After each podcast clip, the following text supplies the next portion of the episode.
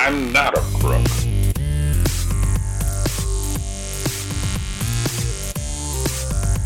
But because they are hard. Hello, and welcome to Presidential Deathmatch, the show that I'm doing right now. It's great to see you, and I should tell you some of the bad news first. The bad news is we're going on another strategic pause. We don't know for how long, but it's something that we're going to do. We enjoy this, what what you and I have between us.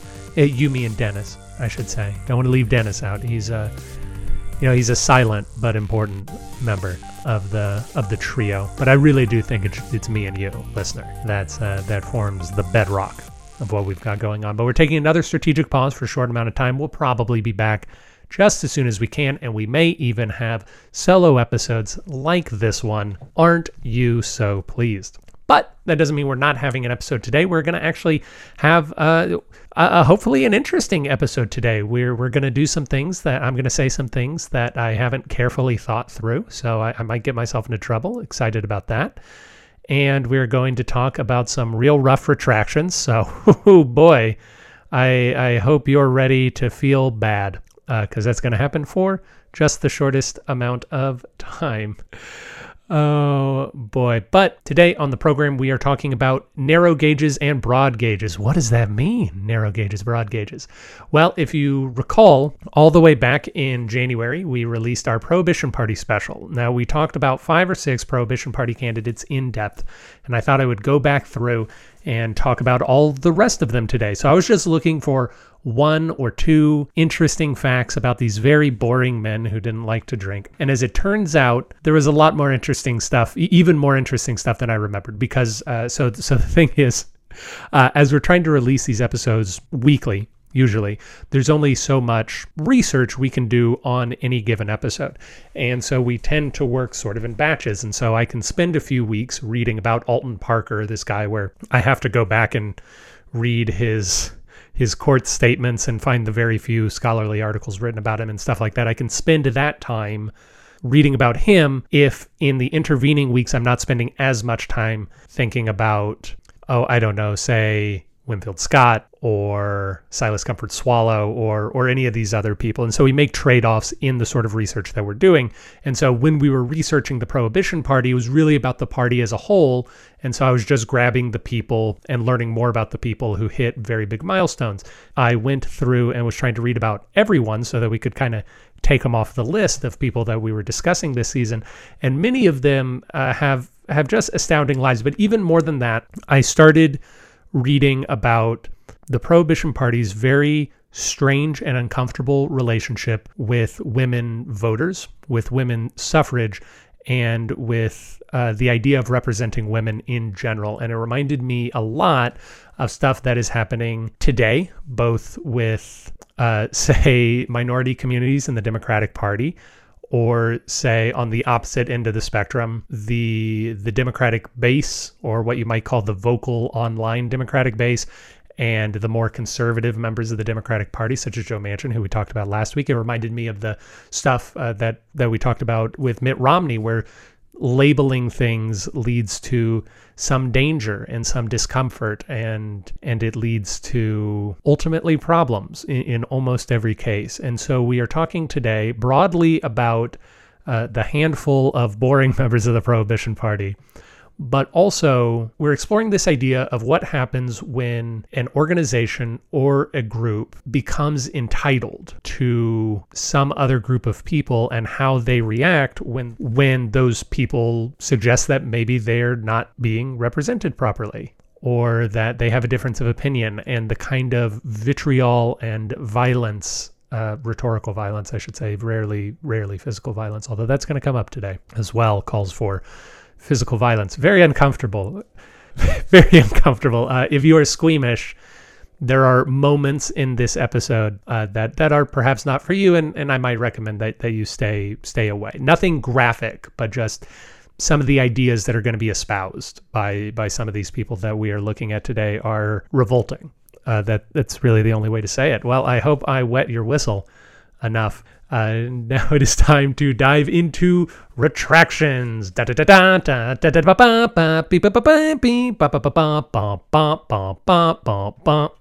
brought in a brass group to play us into retractions. Dennis, took the retraction box with him to parts unknown. But but luckily, I do carry the banner of retractions, and I, and I can fight under the banner of retractions. So it was either last week or two weeks ago when we were talking about Mitt Romney running against Ted Kennedy, and I said something along the lines of in 1994 when Ted Kennedy was running he was seen as especially vulnerable. And off the top of my head, I said, oh, it must be Chappaquiddick, because in my mind, that's the key Ted Kennedy scandal is Chappaquiddick. And I felt a little weird as I said it because I thought Chappaquiddick must have been older than that. It, it was. I believe Chappaquiddick happened prior to the 1976 Democratic presidential primary where Ted Ken or 1980 sorry the 1980 presidential primary where Ted Kennedy ran against Jimmy Carter, challenged him, and, and ultimately failed. Uh, but like I said, that that was the only scandal that was in my mind. Well, resident Aaron checker Jason Jonathan Rivas reached out to me, uh, and this is one of the the more squeamish bits. So if you are if you are affected by uh, injustice, uh, we're all affected by it. Uh, you may want to skip ahead. Let's say two minutes. But as it turns out, there was another scandal, and that scandal was the William Kennedy Smith 1991 sexual assault charge. So, a member of the Kennedy family, as you may notice by his name, William Kennedy Smith. William Kennedy Smith is a scion. Uh, he's rich, he's involved in politics, he's bling, bling, bling. He's a Kennedy. In 1991, he is in Florida. Uh, he is with his uncle, Ted Kennedy. He is with uh, another Kennedy, Patrick Kennedy, who I believe was a member of the House of Representatives. And it is said there that he meets a young woman. He leaves the bar with this young woman. She uh, she claims that she is raped. She goes to the hospital. She involves the police. She has a rape kit examination, it seems to suggest that things are lining up for her, that this man, William Kennedy Smith, did indeed rape her.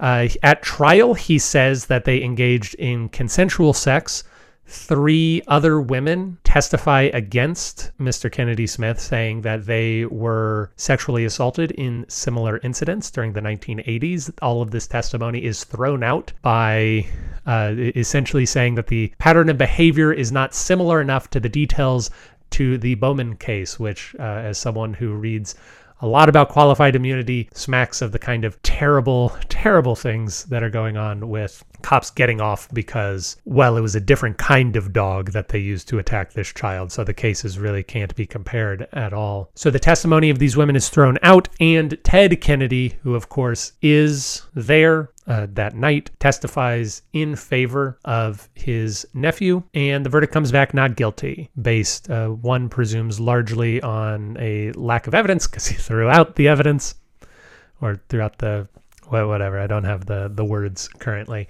Uh, and because of the testimony of a well respected public figure. The public doesn't seem to take to this very well, and so Ted Kennedy is seen as vulnerable during that election. He does, of course, go on to beat Mitt Romney, and he stays in office until his death in 2009, I believe, is when Mr. Kennedy dies. Uh, we we shan't explore Ted Kennedy too much further because he never successfully got a nomination for president. So that is perhaps a grisly and unfortunate reason why Ted Kennedy was vulnerable in his race with Mitt Romney, but I felt it was important to tell you. Another thing that Mr. Rivas told me about just recently was in regards to me claiming that uh, America, I, again, I don't know the exact words that I used. My intent was to say that America has never really been invaded, uh, not since the War of 1812 at the very least. He says this there's also a case to be made that Mexicans and Mexican Americans along the border experienced foreign invasion and loss of land after the Treaty of Guadalupe Hidalgo and subsequent Anglo migration to the area. Many Hispanics were forced out of their lands by Anglo, however, Anglos. However, I'm assuming you meant foreign nations inviting us, invading us. Man, I really don't have words today, do I? With your statement. Indeed, I did. We're going to talk about the Treaty of Guadalupe Hidalgo in just a moment. Uh, but uh, Jason Jonathan Rivas is correct. I did mean, as I just said, that America has not been invaded. We have not had foreign troops on our shores since the War of 1812, as far as I'm aware. I mean, submarines. There's submarines that pop up in Bar Harbor. I remember a, a Nazi submarine. They told us about that while we were in Bar Harbor. But we haven't had foreign occupation. That being said, America has uh, certainly had foreign occupation of other places. Uh, we were an imperialist country. We had the Philippines through through conquest. I believe we invaded Grenada. I don't know that off the top of my head. Arguably, we did foreign invasion or at least threatened foreign invasion on Japan with Commodore Commodore Matthew Perry opening it up to trade. Uh, we basically said you're either going to trade with us or we are going to destroy you. It's not exactly foreign occupation, but I am going to count it because I think the intent is there.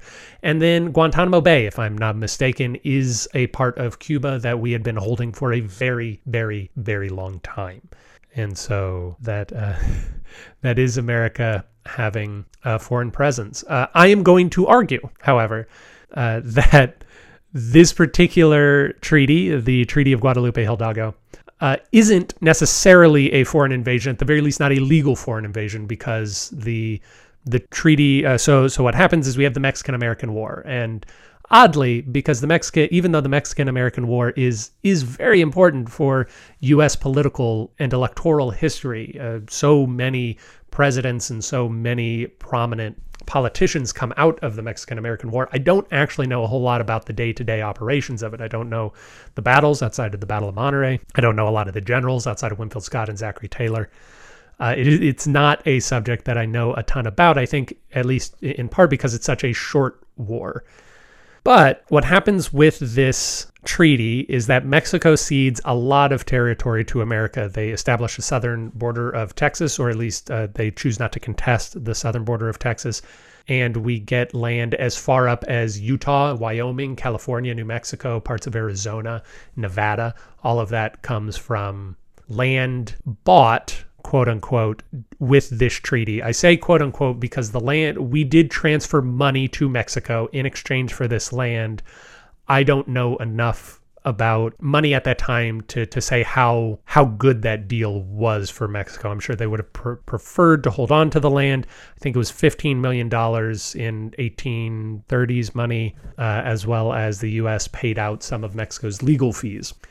And what happens is Mexicans who were living in that area had a year to decide whether or not they wanted to stay where they were and become American citizens because they're now in America, or whether they wanted to relocate elsewhere in Mexico.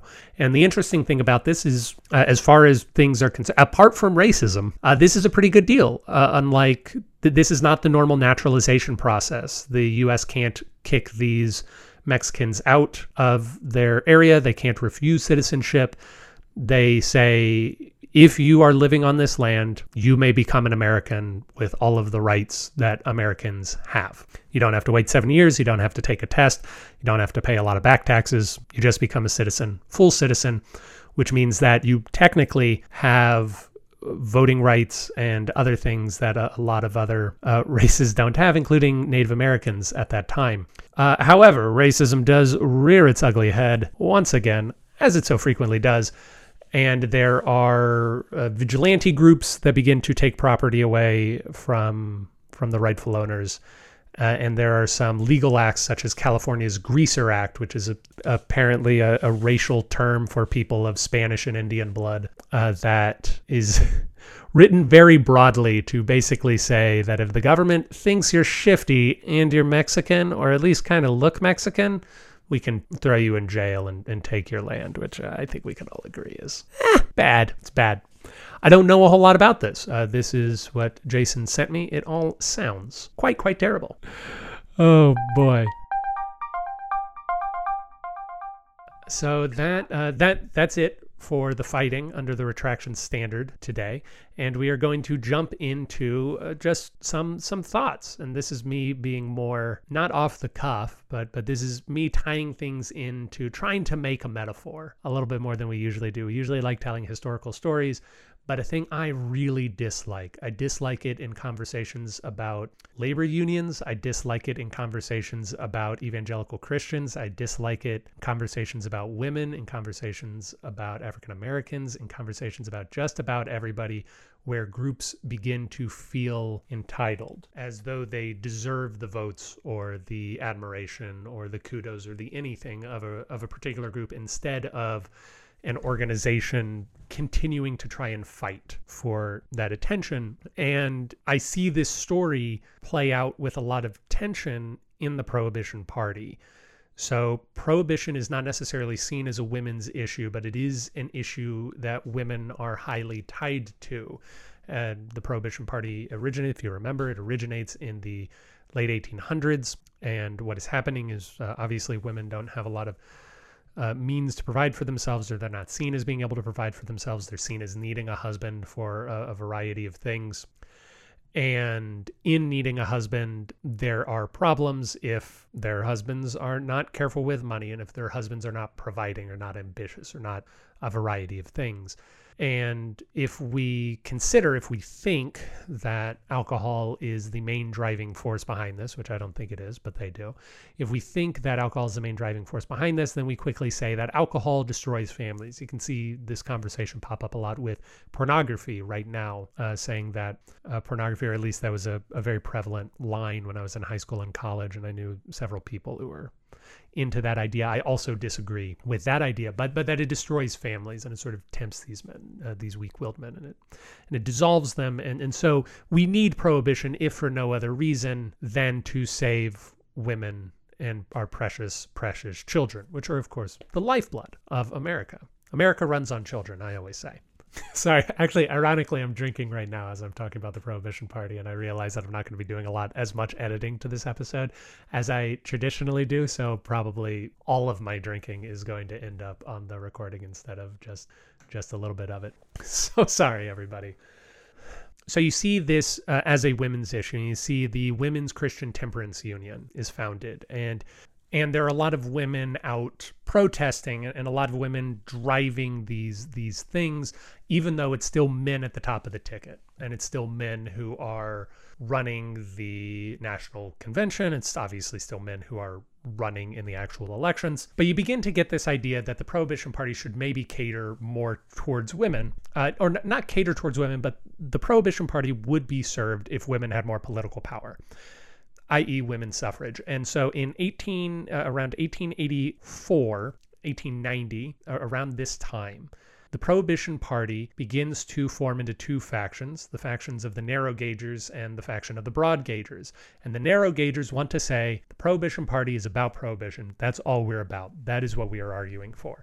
And the broad gaugers say the Prohibition Party is yes, prohibition is very important, it's the most important but also we need to take care of people. Like the idea of the Prohibition Party is a people's party, it's a populist party. We want to get rid of alcohol because that is damaging society. So we need to take other stances. And so the broad gaugers specifically want to add free silver, which we have talked about at length on this program, and they want to add women's suffrage. And the narrow gaugers say no. There's a schism and the broad gaugers get or the narrow gaugers get the majority of the support in in the main election 1896 where they get about 131,000 I've got the specific number somewhere. I think it's 131,312 votes to the national parties. Yes 131,312 Joshua Levering is the narrow gauge candidate uh, versus about 13,000 votes that the broad gaugers get. And this is an interesting push and pull dynamic because it's not exactly wrong. If you want to sell people an idea, it's really easy to sell them on one idea, one very clear thing that you can line up behind, as opposed to several ideas that they might have different opinions on. So, what do you do? And right now, we have in the specifically in the Democratic Party, I would say, because the Republican Party right now is is being very very populist and doesn't have a sort of ideological backbone. At least I would argue it doesn't have an ideological backbone right now. Whereas the Democratic Party does have an ideological backbone. Um, they're just a spine, I should probably say, because backbone means something different metaphorically. There's just an argument of how far to take it or how far they can take it. And I tend to be a, a person who favors narrow things, narrow focus things, as opposed to broad things, even though I agree with in this particular case, free silver and women's suffrage. So the man who leads this is John Pierce St. John, and he wrote the platform for the Prohibition Party a lot, and he is a broad gauger. He is also the presidential candidate in 1884. This is before that split. That is the election which Grover Cleveland wins, and he is uh, Mr. St. John is burned in effigy in Missouri after after uh, he is accused of being a spoiler for Grover Cleveland. And that's why James Blaine didn't win. Uh, see, for my opinion on that, see my quote from last week. If you didn't get the vote, that vote was never really yours. That's that's what I tend to think. So we get this broad gauge, narrow gauge split. As I say, Joshua Levering is the man in 1896 who runs in the first split party. He actually tried to run in 1892 for the Prohibition Party, but apparently there were rumors that he was involved in the coffee industry, and that was close enough to pro uh, to alcohol that they didn't want to mess with him. But he's a narrow gauger. He receives 131,000 votes. Eventually, the party reforms mostly with this narrow gauge idea. Okay, we we tried, we considered having economic free silver policies. We tried having different social policies and women's suffrage that didn't work out for us. Let's stick with our main thing. And women are still attached to, uh, they're, they're, still attached to the, the party, but now there's this different feeling. And this is where, uh, honestly, what I'm about to talk about is is why I wanted to to begin exploring this thought. Eugene Chafin, is the presidential candidate for the Prohibition Party in 1908 and in 1912. Unsuccessful both times. I'm sure you don't remember President Chafin.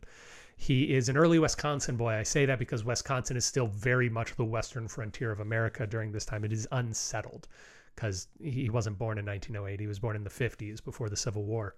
In 1909, so remember, Prohibition, the Prohibitionists get their victory in 1919, give or take forget when the Volstead Act actually uh, takes place. It's somewhere between 1920 and 1921. But before that, they have a number of victories with uh, with various states banning alcohol. Kansas becomes the third state to ban alcohol, for instance, and parts of Kansas prohibition law remained in effect until 1987.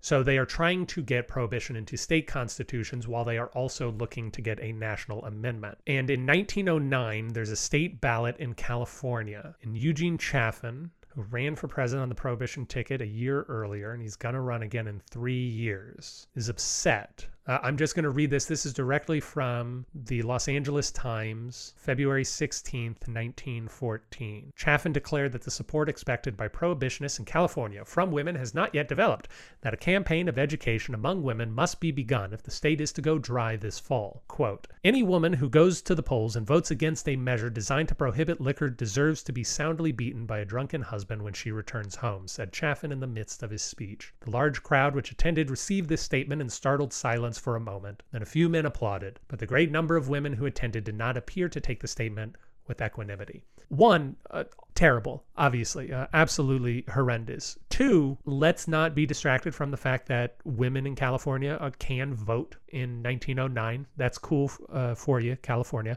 Also, he does appear to have overstepped a line. It, it is not as though he said this and the crowd cheered. The, this horrible statement of the crowd cheered. The the crowd doesn't know what to do with it. The crowd is very uncomfortable, uh, and I imagine that a lot of those men are applauding out of discomfort, just based on the way the description is. Still, the the presidential candidate of the Prohibition Party, and he's going to be the candidate again. So, him saying this was not disqualifying by any means is so taking the women's vote not just for granted. He's he's saying they deserve it. He's saying the Prohibition Party absolutely deserves your vote, and it is a moral failing of yours. You are not worthwhile if you don't give it to us. This reminds me of naturally. This is this particular example is it's violent and it's messy and it's awful, but it reminds me of a lot of the conversation that I see around women in the Democratic Party right now, African Americans in the Democratic Party right now, uh, queer people in the Democratic Party right now, where a lot of people are saying the Democratic Party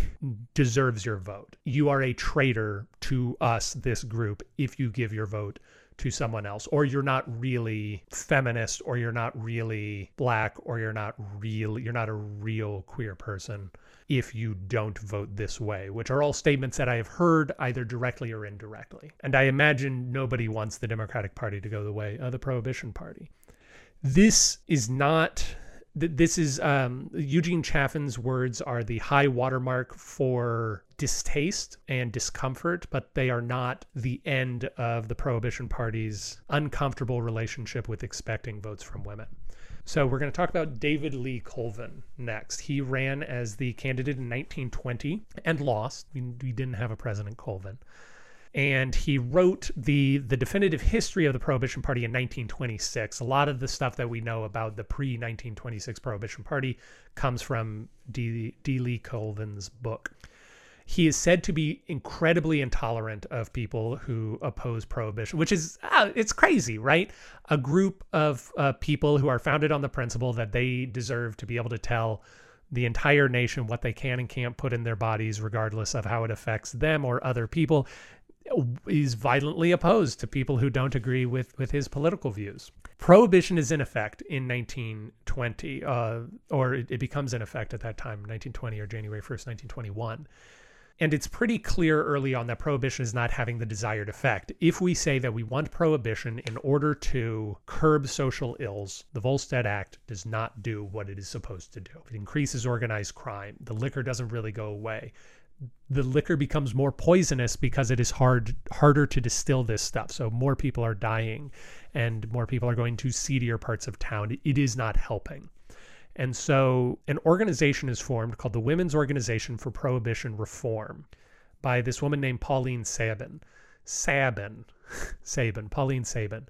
And she is is a woman and she is listening to a woman from the Women's Christian Temperance Union saying that all women believe in prohibition, all women believe in the Volstead Act, and she speaks for all women. And Pauline Sabin is listening to this and thinks, well, you don't speak for me. This is not what I want. And so she establishes the Women's Organization for Prohibition Reform, or WONPRA, in 1930, which is around the time that prohibition is about to go away. And the idea for this is not only to repeal prohibition, although she does want to, the organization does want to repeal prohibition, it's to reform prohibition. These are this is a woman who does believe in certain alcohol control measures, but she does not believe in an outright prohibition of it.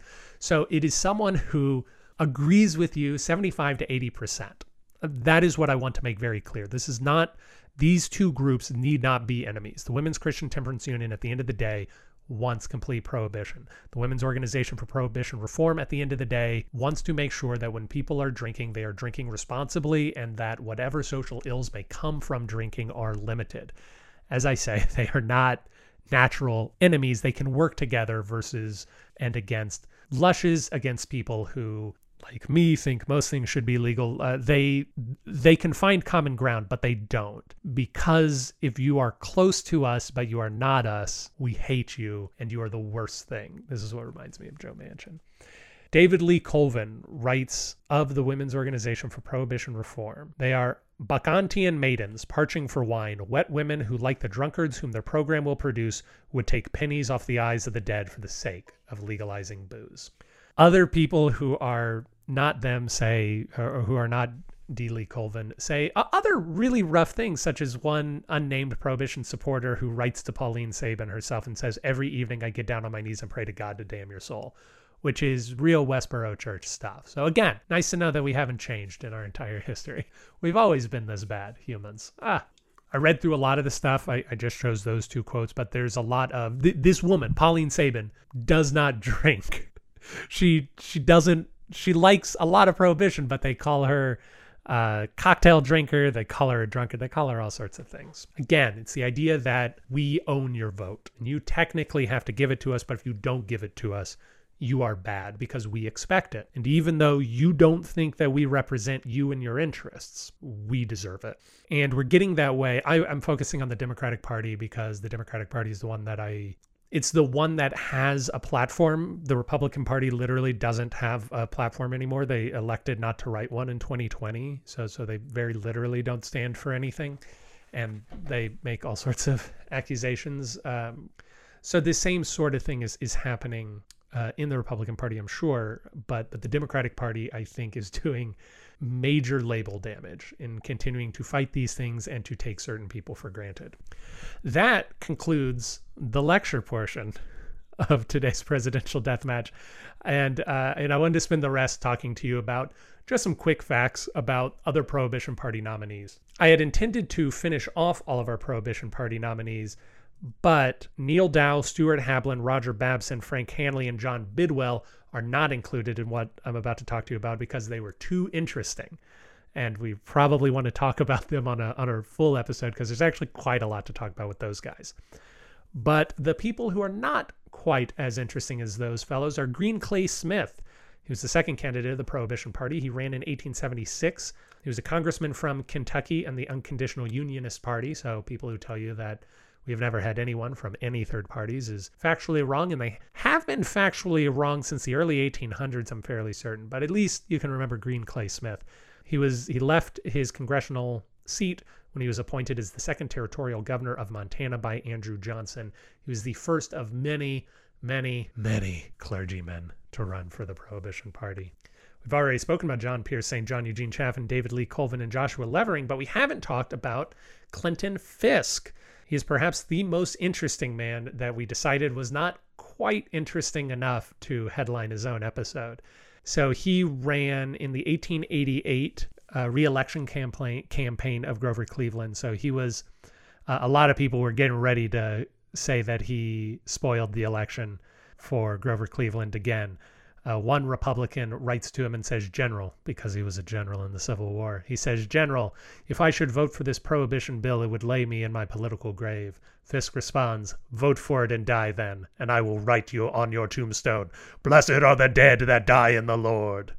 The main reason I think that Mr. Clinton Fisk is particularly fascinating and good is that following the Civil War and following his stint as the presidential nominee for the Prohibition Party, he endows the historically black Fisk University in Nashville, Tennessee, and he also establishes the first free public schools for black children in the American South, specifically in Tennessee. I think that is incredibly laudable, as I'm sure you will agree. We heard about Joshua Levering, who was the narrow gauge candidate in 1896, but who was the broad gauge candidate in 1896. That would be a man named Charles Bentley. He ran for the Broad Gaugers, or the National Prohibition Party, is what they call themselves. And he once lived in a place place called Surprise, Nebraska, which I think is very funny. The most interesting thing about this guy, it, it is very interesting, is his death is incredibly suspicious. So much so that they write an article called Lincoln Man Dies Under Mysterious Circumstances. This comes from the Beatrice Daily Express, February 6, 1905. The death of Reverend C. E. Bentley in a lodging house in Los Angeles puzzles the police. He applied for a room Saturday night, accompanied by a stylishly dressed woman who wore a thick black veil. The landlady showed them to a room, and while she was turning on the light he dropped to the floor unconscious. The woman who accompanied him to the house left suddenly. Mrs. Douglas then went to seek assistance, but returning a few moments later, found a young man named Haynes holding Bentley's hand, head. He left, saying he was going for a doctor, but he has not been seen since. Mrs. Douglas finally summoned the police, but Bentley was dead. When search of his clothing was made, it was found that his gold watch was missing, and that his pockets contained only a dollar five cents. The police are looking for the stylishly dressed woman because while they don't think she was in any way responsible for his death, they would like to learn who she is and why she was in Bentley's company. And then later on, the article also says that he came to Los Angeles with his wife, Bentley did, but she's not mentioned anywhere. All very suspicious. John Woolley ran for the, Pro the Prohibition Party in 1900, and he seemed to like rejecting offers. They tried to get him to run in 1892, and he said no. In 1896, and he said no. People offered him a lot of corporate law jobs and a lot of political appointments. He said no to those. And then later, after he runs for the Prohibition Party, he leaves the Prohibition Party because he thinks they're a bunch of losers. Specifically, he says, now they're getting fewer and fewer votes each election, so I'm not going to keep associating with them. Claude Watson runs in 1944 and 1948. His only notable thing is he is the first presidential candidate to fly his own plane. Also, he's a preacher. Also, the Prohibition Party apparently has a thing for planes. Not only is Claude Watson a pilot, he flies his own plane in order to campaign, but uh, one of the guys that we are not talking about, Frank Hanly, establishes a group. I'm spoiling it a little bit for whatever we get there, but he establishes a group called like Hanly's Men, who just do flying tricks and uh, and say prohibition, do it.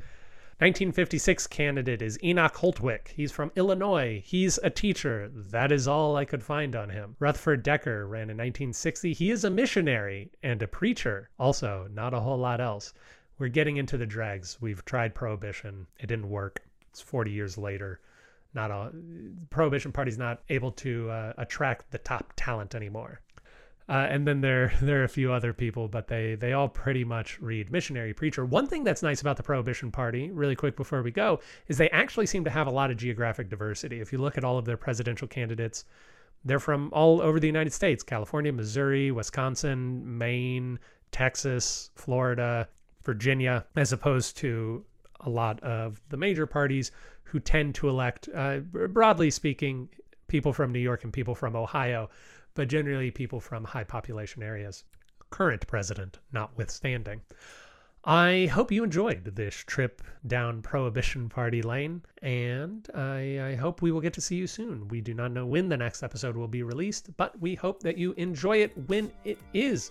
If you want to be like Jason Jonathan Rivas and tell me I'm wrong, please do so at contact at pronoiatheater.com. Until then, keep on living, friends.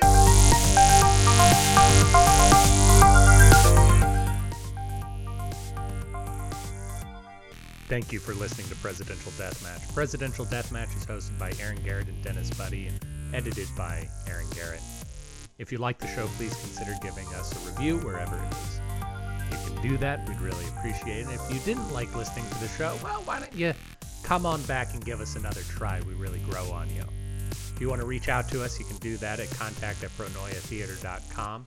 You can also support the show in a variety of ways, including at pronoiatheater.com slash store. We hope you enjoyed it, and we hope to hear from you soon.